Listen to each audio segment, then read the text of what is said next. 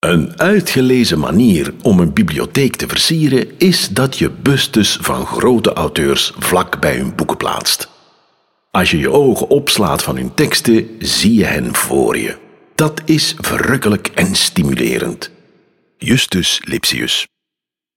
U staat in de privébibliotheek van de Moretussen, Plantijns opvolgers.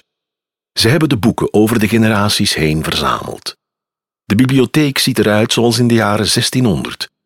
De boeken staan gerangschikt volgens formaat en ze zijn gebonden in banden van wit perkament en bruin leder. Bijna plafondhoge rekken, lezenaars, bustes, globes, alsof de hele wereld binnen handbereik is. Dit is een typische humanistenbibliotheek. De lindenhouten bustes zijn van heiligen en pausen, de gipsen koppen van Griekse en Romeinse geleerden en keizers. En ziet u het 17e-eeuwse schilderij met de gekruisigde Christus? Verrassend niet? Zo'n onderwerp verwacht je in een kerk boven een altaar. Dat was ook de functie van het werk, want de grote bibliotheek deed een tijd lang dienst als privékapel van de uitgeverij. De Moretussen en hun medewerkers volgden hier voor het werk de mis. Alle boeken uit de bibliotheek kunt u raadplegen in onze leeszaal.